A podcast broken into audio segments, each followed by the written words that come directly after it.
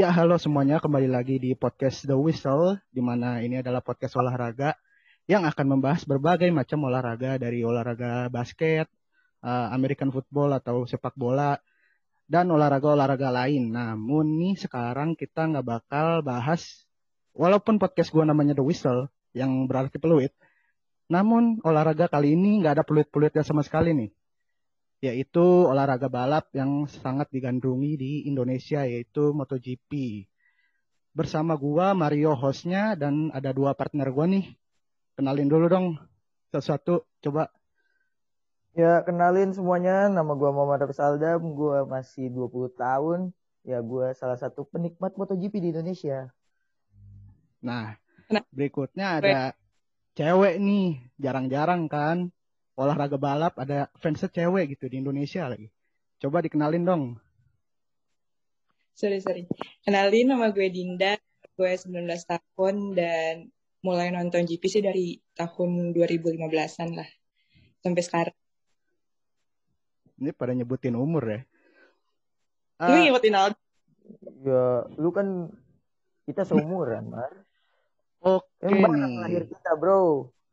Jadi uh, kita mau review sedikit aja kali ya untuk race minggu lalu di sirkuit Portugis. Nah, for the record aja nih. Gue sebenarnya kan, gue dulu sebenarnya ngikutin si MotoGP. Cuman udah sekitar dari 2020 sama 2021 ini gue agak-agak sih paham nih. Jadi nggak gitu ngerti nih. Hmm. Jadi uh, kita review dulu race kemarin. Posisi pertama race kemarin itu, wait, ada yang posisi pertama itu Fabio Quartararo di dari tim Yamaha. Yang kedua ada Francesco Bagnaia. Yang ketiga ada Joan Mir. Nah, gimana nih menurut kalian race kemarin? Coba dari Aldam dulu. Ya, kalau menurut gue ya race kemarin tuh emang seru sih. Yang pertama tuh dari Quartararo sendiri emang dia lagi bagus-bagusnya nih semenjak dia pindah ke pabrikan kan dari kemarin dari Petronas. Hmm dia mungkin udah mulai nunjukin dirinya nih. Dia udah mulai nyaman sama tim Yamaha tersebut. Lalu terus ada Francesco Banaya dia juga baru promosi ke tim pabrikan. Nah dia sendiri juga lagi naik-naiknya nih. Kemarin dua race dia tuh yang pertama dia podium ya. Eh kalau nggak salah tuh dia yang pertama tuh podium kedua. Yang hmm. kedua hmm. juga podium lagi. Nah sekarang juga podium lagi nih. Gila. Kok kalau nggak salah itu ya. Ntar koreksi aja ya gila gue akuin sih emang ini anak didik Rossi yang wah buat sih ini. Terus selalu ada si Joan Mir. Nah Joan Mir ini yang res pertama sama kedua sih gue menurut gue masih aduh kayak kurang dapet. Tapi kan emang kalau gue lihat-lihat Joan Mir ini dari 2020 selama dia res tuh emang dia pertama masih beradaptasi juga terus dia pinter banget ngolah ban ngolah bannya lah. Kayak dia nahanin bannya itu sampai res akhir itu gila gua akuin jago dia main main aman main aman eh main aman. Lima lap terakhir udah nusuk tiba-tiba podium terus bisa menang gila. Emang keren banget sih. Terus untuk di Portimao sendiri gua kemarin emang itu tiga-tiganya layak banget terus banyak juga yang jatuh ya terus jagoan gua aduh Rossi jatuh kenapa harus jatuh? Juga gua oh, juga ini, sorry nih sama, sorry. Oh ya kenapa? Sebelum kita bahas lagi sebutin dong jagoan eh pembalap jagoan kalian masing-masing di musim ini? Ya, kalau saya sendiri atau gue Valentino Rossi ya, ya selama dia masih ada MotoGP, gue tetap Valentino Rossi. Kalau lu din siapa? Sama, gue juga jagoin Rossi dari uh. dari lima tahun lalu sampai sekarang. Hmm. Pokoknya kalau emang masih dia masih ada di MotoGP, gue bakal masih dukung dia terus sih. Sama ya sampai... ya alasannya. Iya. Ya, Dam ya, coba lanjut tadi reviewnya sorry Yamaha, gue potong. Kita mendukung Yamaha, cuman tetap kita satu hati bersama Dinda yaitu Valentino Rossi. hmm. nah, iya, terus kalau itu kemarin sih banyak juga yang jatuh terus juga emang karena layout dari sirkuitnya sendiri sih emang sirkuitnya itu kan tipenya di Port Portimao itu dia pegunungan jadi yeah. susah sih buat controlling apa handlingnya juga di situ Terus gue paling salut sama Mark Marquez. Dia berhasil comeback 265 hari tanpa balapan, tanpa megang motor. Dia bisa bertahan di posisi 10 besar. Itu gue akuin banget sih.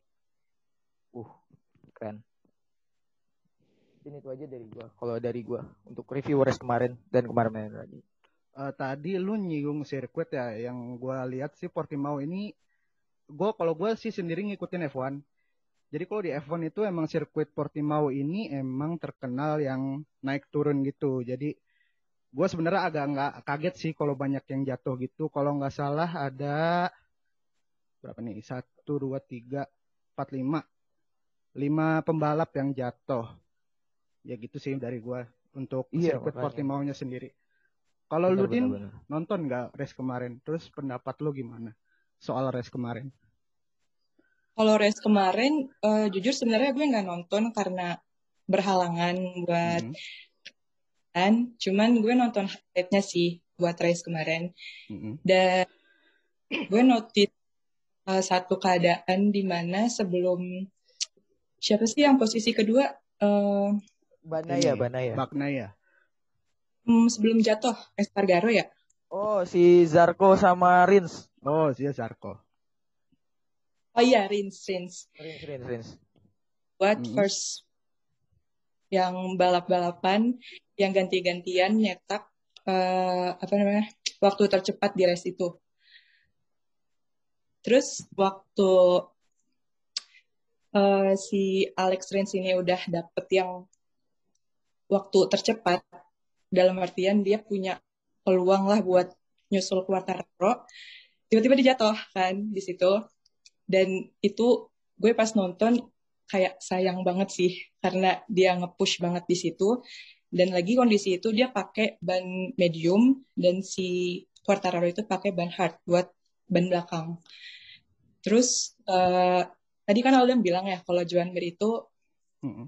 pinter apa Dem tadi um, pinter, pinter nyimpen ban apa ngolah ban gitu kayak apa nahan ketahan ban itu paling bagus dia pembalap paling bagus. Iya, uh, gue setuju di situ. Jaga andai kata misalkan uh, Rins gak terlalu buru-buru dan gak terlalu maksain diri buat um, nyusul Quartararo, kayaknya bisa deh dia um, finishnya tuh di posisi dua, bukan Bagnaia gitu. Menurut gue sih gitu ya. Dia ada peluang buat finish ke posisi dua kalau misalkan dia bisa ngolah bannya tuh dengan baik gitu. Gak terlalu maksain diri sih. Gitu aja. Oh gitu, oke. Okay. Uh, sorry nih mau nanya uh, hmm. si siapa namanya Tejawan Mir itu kalau nggak salah musim kemarin yang juara dunia kan ya? Yo, ih. Ya. Menurut akan gue sih paham ya dua race dua race pertama gue nonton race pertama doang. Uh, jadi menurut lu gimana sih performa Rins eh Rins ya yeah, berjuan Mir di race kali ini? Apakah dia apa ya namanya bisa menunjukkan gitu kalau dia emang layak disebut juara berdasarkan dari tiga race pertama ini? Untuk tiga race pertama dia sih layak kalau menurut gua untuk kalau bisa bersaing untuk di kejuaraan dunia lagi ya di hmm. untuk berbaris di paling depan. Nah, kalau menurut gua pasti bisa soalnya kayak emang dia kayak tiap tahun tuh selalu ada peningkatan ya walaupun itu emang stylenya tuh gua suka banget dia pinter banget jaga ban, pinter jaga ban, dia bisa nusuk ketika pas orang-orang udah bannya udah pada aus dia bisa maju ke depan. Itu sih. Gue akuin pasti dia bisa mungkin juara dunia lagi. Tapi untuk dua race pertama sayangnya si Mir ini kalau gue lihat dia nggak ini ya nggak podium dua race pertama iya dua race pertama gua nggak podium mungkin karena dia setupnya katanya juga menurutnya kurang terus hmm. kayak gimana ya terus kalau yang yang race Doha yang kedua itu eh yang pertama yang pertama tuh yang di Qatar hmm. kan yang pertama namanya Qatar yang kedua Doha nah yang pertama hmm. itu kasihan banget sih itu nyesek banget sih kalau emang kalau dari dilihat Ducati sama Suzuki top speed udah kalah jauh. Ya makanya kemarin di top speed mereka kalah sama apa sih Joan Mir ini kalah sama Zarko sama Banaya. Jadi ini lang- yang klipnya viral itu bukan sih? Iya itu yang ada di mana-mana gitu. Di mana-mana jadi meme itu jadi hmm. meme. Kalau lu sendiri Din, pendapat lu soal Juan Mir, apakah dia apa namanya performanya dua tiga race pertama ini apa ya jadi kontender lagi gitu mungkin untuk race-race ke depannya? Uh, kalau gue lihat dari Mir sendiri sih dia udah punya mental ya, maksudnya hmm. rider kan mentalitas tuh butuh banget gitu, banget apalagi kalau di lagi race gitu. Dari Mir gue udah lihat dia punya mentalitas di diri dia sendiri yang gak semua pen, yang gak semua pembalap punya.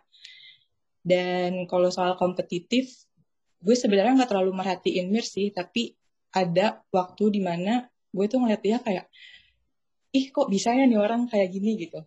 Ada kayak kan pembalap tuh punya gaya balapannya masing-masing ya. Dan tuh gue suka ngeliat kayak wah ada ada hal yang menarik gitu dari cara dia balapan gitu. Dan salah satunya tadi dia ngelola bannya. Dan gue pernah baca di wawancara atau dia pokoknya lagi di wawancara sama seorang dan dia ngomong dia ngakuin uh, dari diri dari diri dia sendiri kalau misalkan dia sadar bannya itu udah uh, kayak abis atau gak kompetitif lagi dia bakal nahan. Dan benar kata Aldam tadi dia pinter banget buat ngelola bannya itu. Gue setuju banget sih.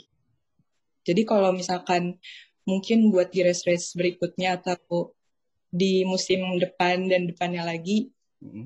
mungkin jadi pembalap yang salah satu pembalap yang ditakuti kali ya gitu. Hmm. Oh iya Mar, gimana lu? Kan nonton Apa? MotoGP juga. Oh, lu punya jagoan gak nih di MotoGP masa nonton doang gak ada jagoannya nih? Iya nih dulu bukan jujur dulu dulu tuh gua fans Lorenzo kan. Yo, iya. terus oh Lorenzo. Iya, terus sekarang udah pensiun. Sekarang udah pensiun tuh. Jadi gua nggak tahu sih mau ngedukung siapa. Mung sebenarnya gue punya harapan yang besar buat Jack Miller. Ya. Di Ducati satu. udah masuk Ducati yang notabene-nya apa namanya tim pabrikan yang motornya lumayan bagus kan ya untuk Ducati. Bagus sudah musim musim udah, ini. Musim ini dan sebelumnya udah udah lumayan bagus sih. Cuman emang di beberapa track kurang, ada yang kurang masih. Cuman gua rasa dari gua lihat performanya ini belum eh udah podium belum sih? Yang pertama iya, belum. belum untuk untuk, untuk Ducati. Gares ini belum dia. Ducati baru Baknaya ya? Ducati baru Banaya sama Zarco sama Jorge Martin. Justru menurut gue dari Ducati yang performanya bagus musim ini dari Zarco. Setuju nggak lo sama gue? Gue gue sih setuju sih kalau menurut gue Zarco. Nah, berhubung jagoan nih, kita ngomongin jagoan. Gimana kalau kita ngomongin jagoan kalian nih? Si kakek.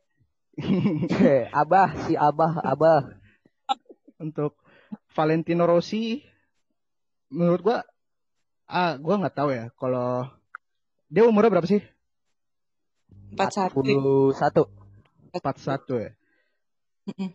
Untuk gimana ya dua tiga race pertama ini gue rasa hasilnya agak agak gimana gitu mengecewakan mengecewakan mungkin buat kalian ya nggak? Ya sedikit mengecewakan. Di dua race pertama out out out dari top 10 dan race kemarin untuk udah jatuh.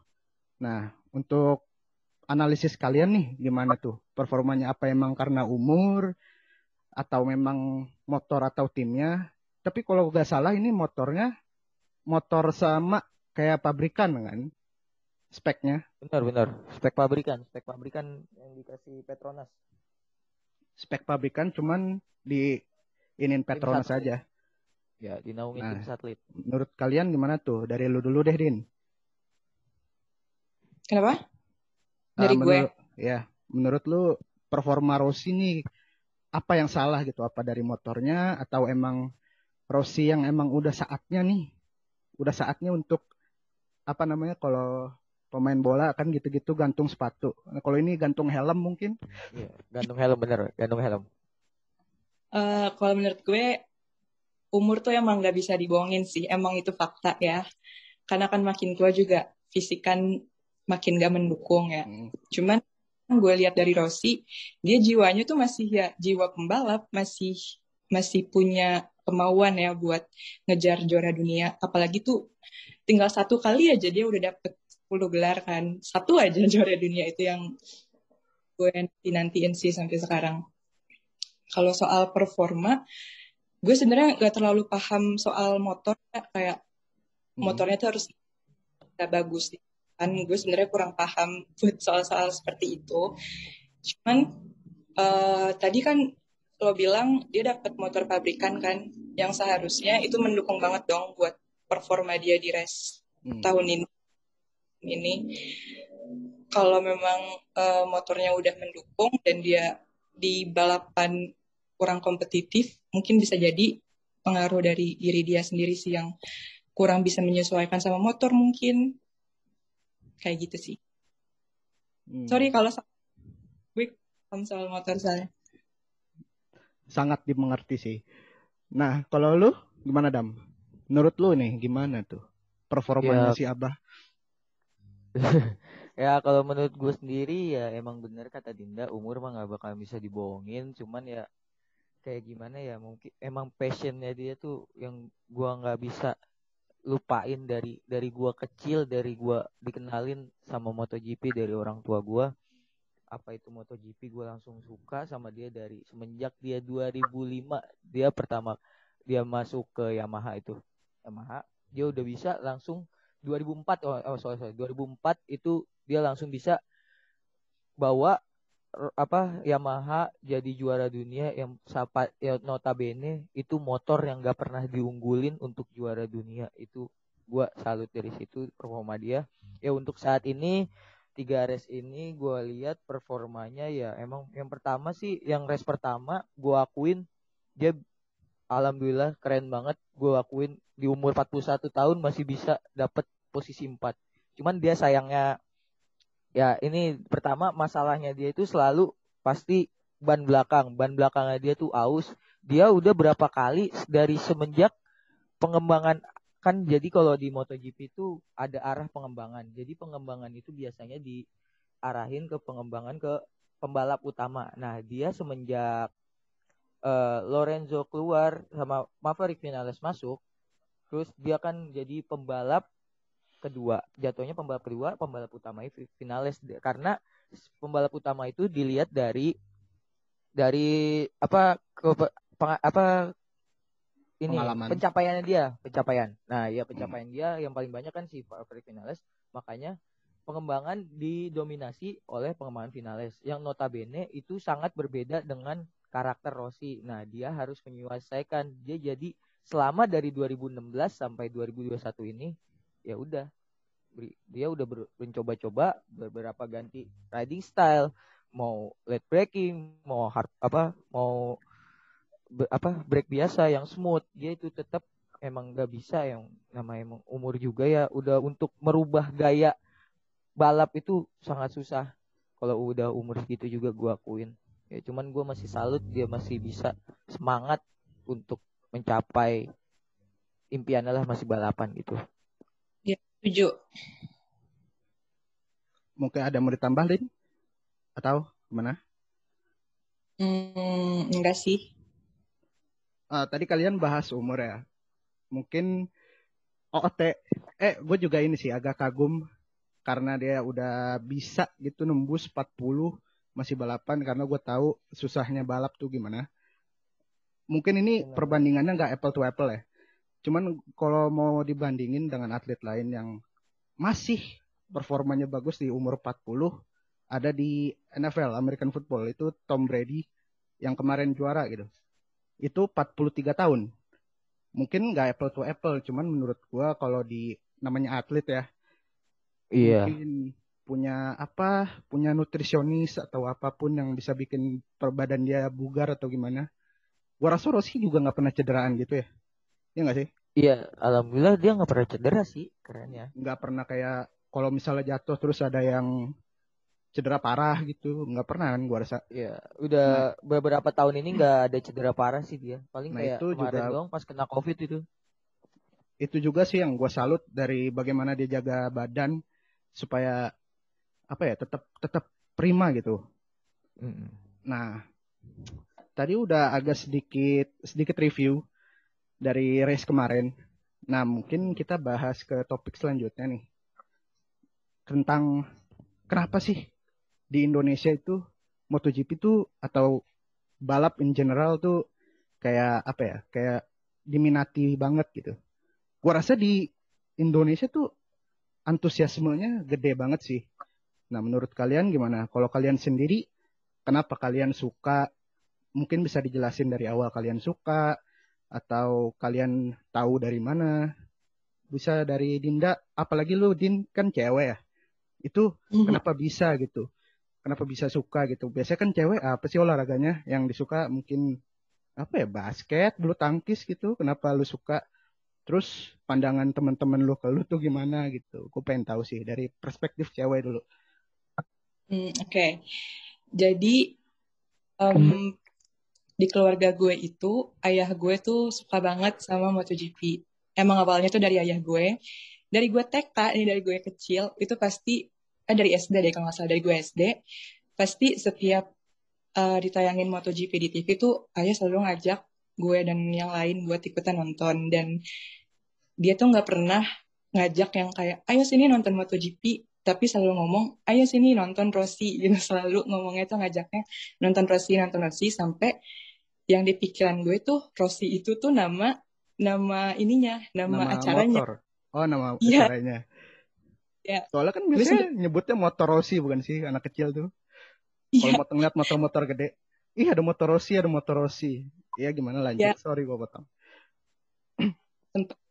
pikiran kayak Rossi itu balapan gitu padahal kan aslinya tuh MotoGP kan bukan Rossi ya kayak gitu dan pokoknya tuh sampai gue SMP itu kan ayah gue masih yang sering nonton juga masih ya gue juga kadang nemenin tapi belum tertarik masih kayak sekedar nemenin aja gitu sampai akhirnya kelas 9 itu gue mulai yang kayak terbiasa nonton dan jadi tertarik benar-benar yang baru mulai ngikutin terus gitu sama MotoGP itu pas SMP Mm-mm.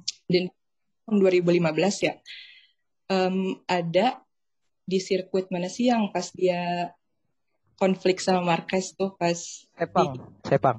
Sepang.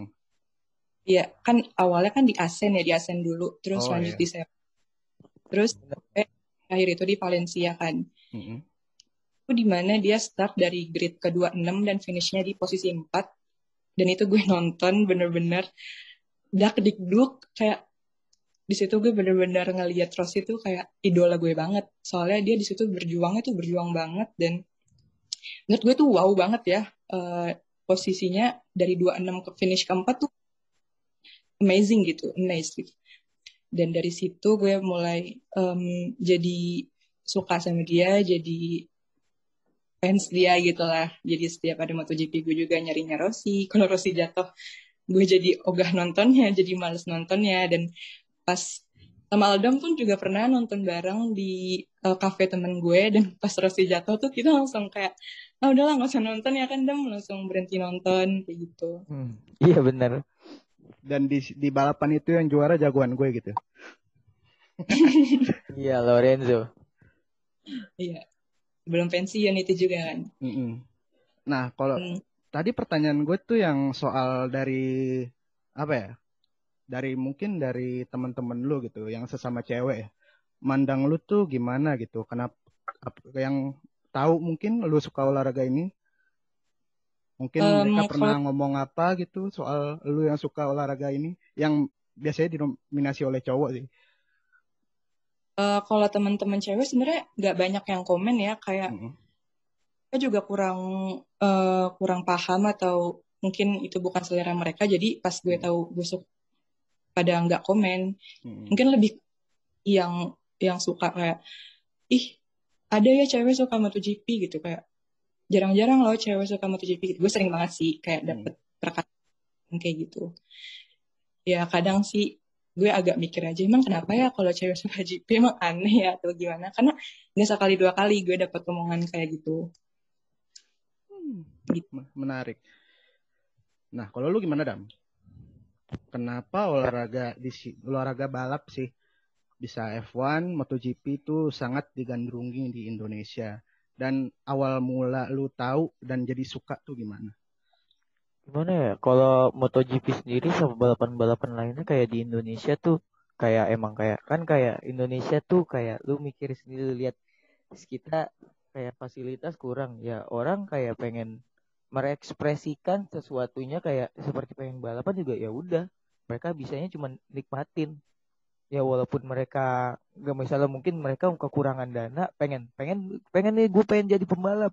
Gue pengen banget jadi pembalap. Gue nggak ada channel gue nggak ada uang untuk jadi pembalap. Ya kan juga fasilitas di Indonesia untuk seorang pembalap juga masih kurang. Makanya mungkin di Indonesia untuk saat ini bisa banyak karena itu. Mereka juga karena tertarik banget dunia balap di luar. Kayak pengen juga sih kayak wih gue pengen banget bisa bawa nama Indonesia loh ke luar negeri, ke kancah dunia.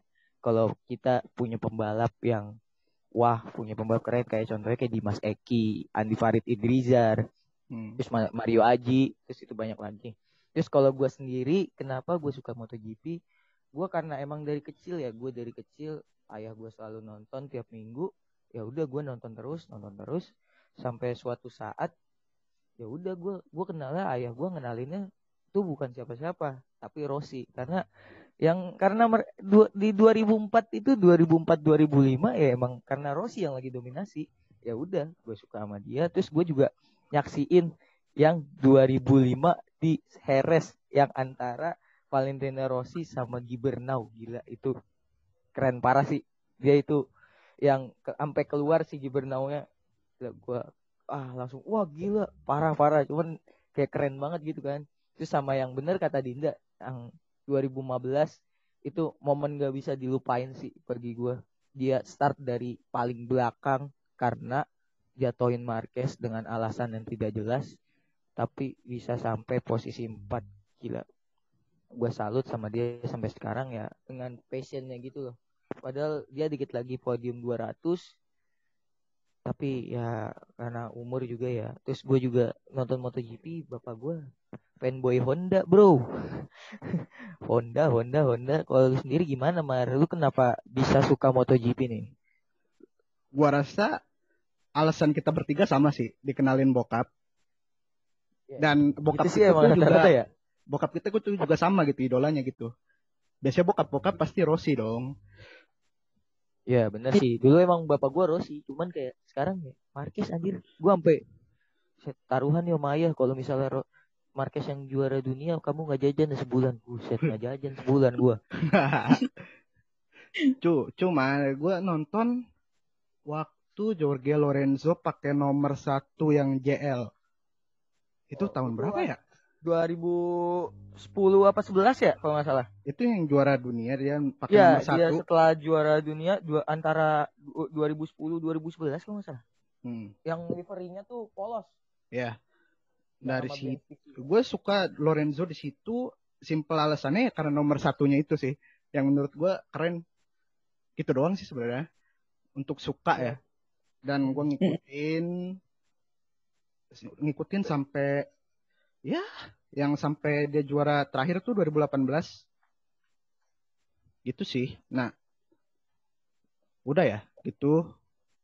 Eh tapi gue mau nanya dulu di. Mau ya. nanya kan lu suka sama Lorenzo nih. Hmm. Terus pas dia pensiun ada nggak perasaan-perasaan kayak aduh sayang banget gitu atau sedih atau gimana gitu?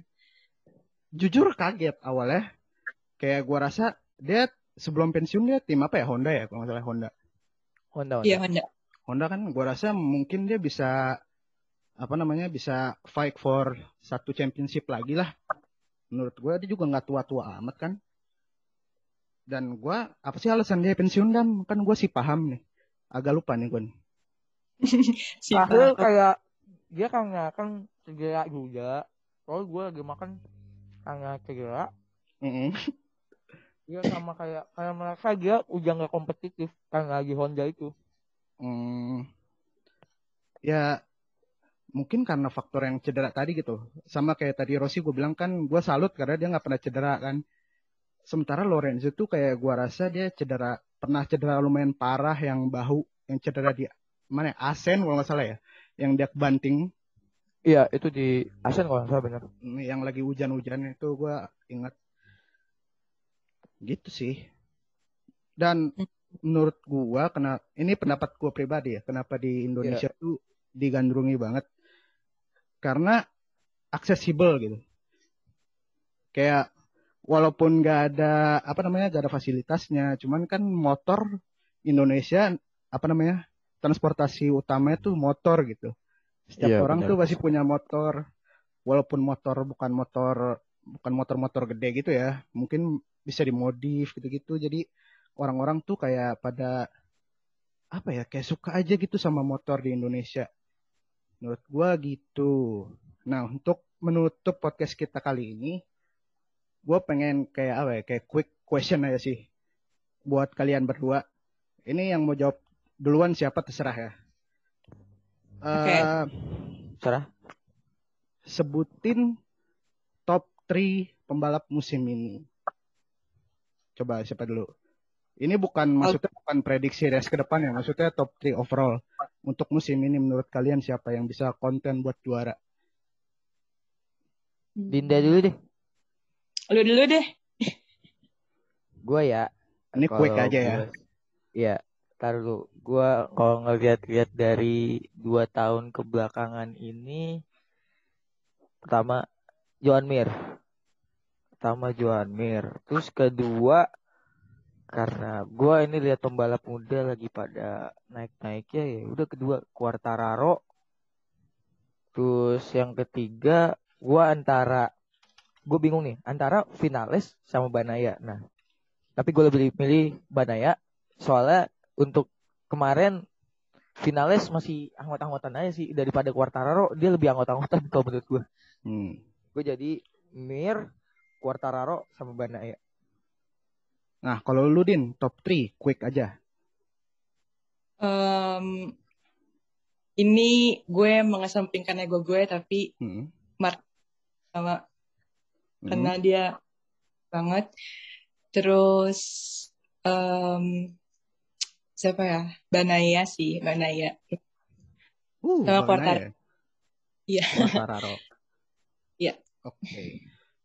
Kalau gue pertama ada Lu apa? Lu apa? pertama Quartararo. Ke- Kedua Baknaya juga sih menurut gue. Karena dua beberapa race ini kayak mengejutkan gitu buat gue. Yang ketiga ini agak mungkin unpredictable Zarko menurut gue Bisa sih. sih. Nah, ini quick aja ya, quick questions lagi. Sebutin satu aja pembalap yang menurut kalian under the radar tapi sebenarnya tuh bagus gitu. Coba dari siapa dulu mungkin? Yandian Dinda. Ya, apa ya? Bisa dibilang underrated lah. Underrated, underrated lah. Kayak nggak jarang dijagoin. Em, aduh bingung. Yang lain dulu deh, gue mikir deh bener-bener. Nah, kalau lu siapa Dam? Gua gua kalau untuk tahun ini ya Mm-mm. sepertinya sih Jack Miller. Jack Miller. Iya. Eh, Itu dia, oh kan ya? Apa? Kemarin dia jatuh kan ya, Miller? Iya, dia jatuh. Sejujurnya gue mau jawab Jack Miller juga sih. Nah, lu siapa Din? Udah ada dapet belum nih bayangan-bayangan yang menurut lu underrated? eh siapa ya? Tapi sumpah musim itu kayak unpredictable banget, kayak mulai muncul-muncul yang nggak pernah disorot dan kelihatan kompetitif gitu. Tapi gue jadi bingung gitu siapa ya? Gitu. Sama deh Miller juga deh, apa samain aja. Oke, jadi itu ya pembalap underrated kita sama-sama Jack Miller. Tadi top 3 kita udah sebutin, udah review race sedikit. Terus sama tadi ada kenapa sih di Indonesia di olahraga ini tuh kayak digandrungin banget. Eh mungkin itu aja dulu untuk episode kali ini. Gue makasih banget nih ada Aldam, ada Dinda. Yo, Yoi. sama-sama Mar. Yap. Eh, mungkin itu aja untuk episode kali ini. Sampai jumpa di episode berikutnya. Dadah. Bye. Dadah.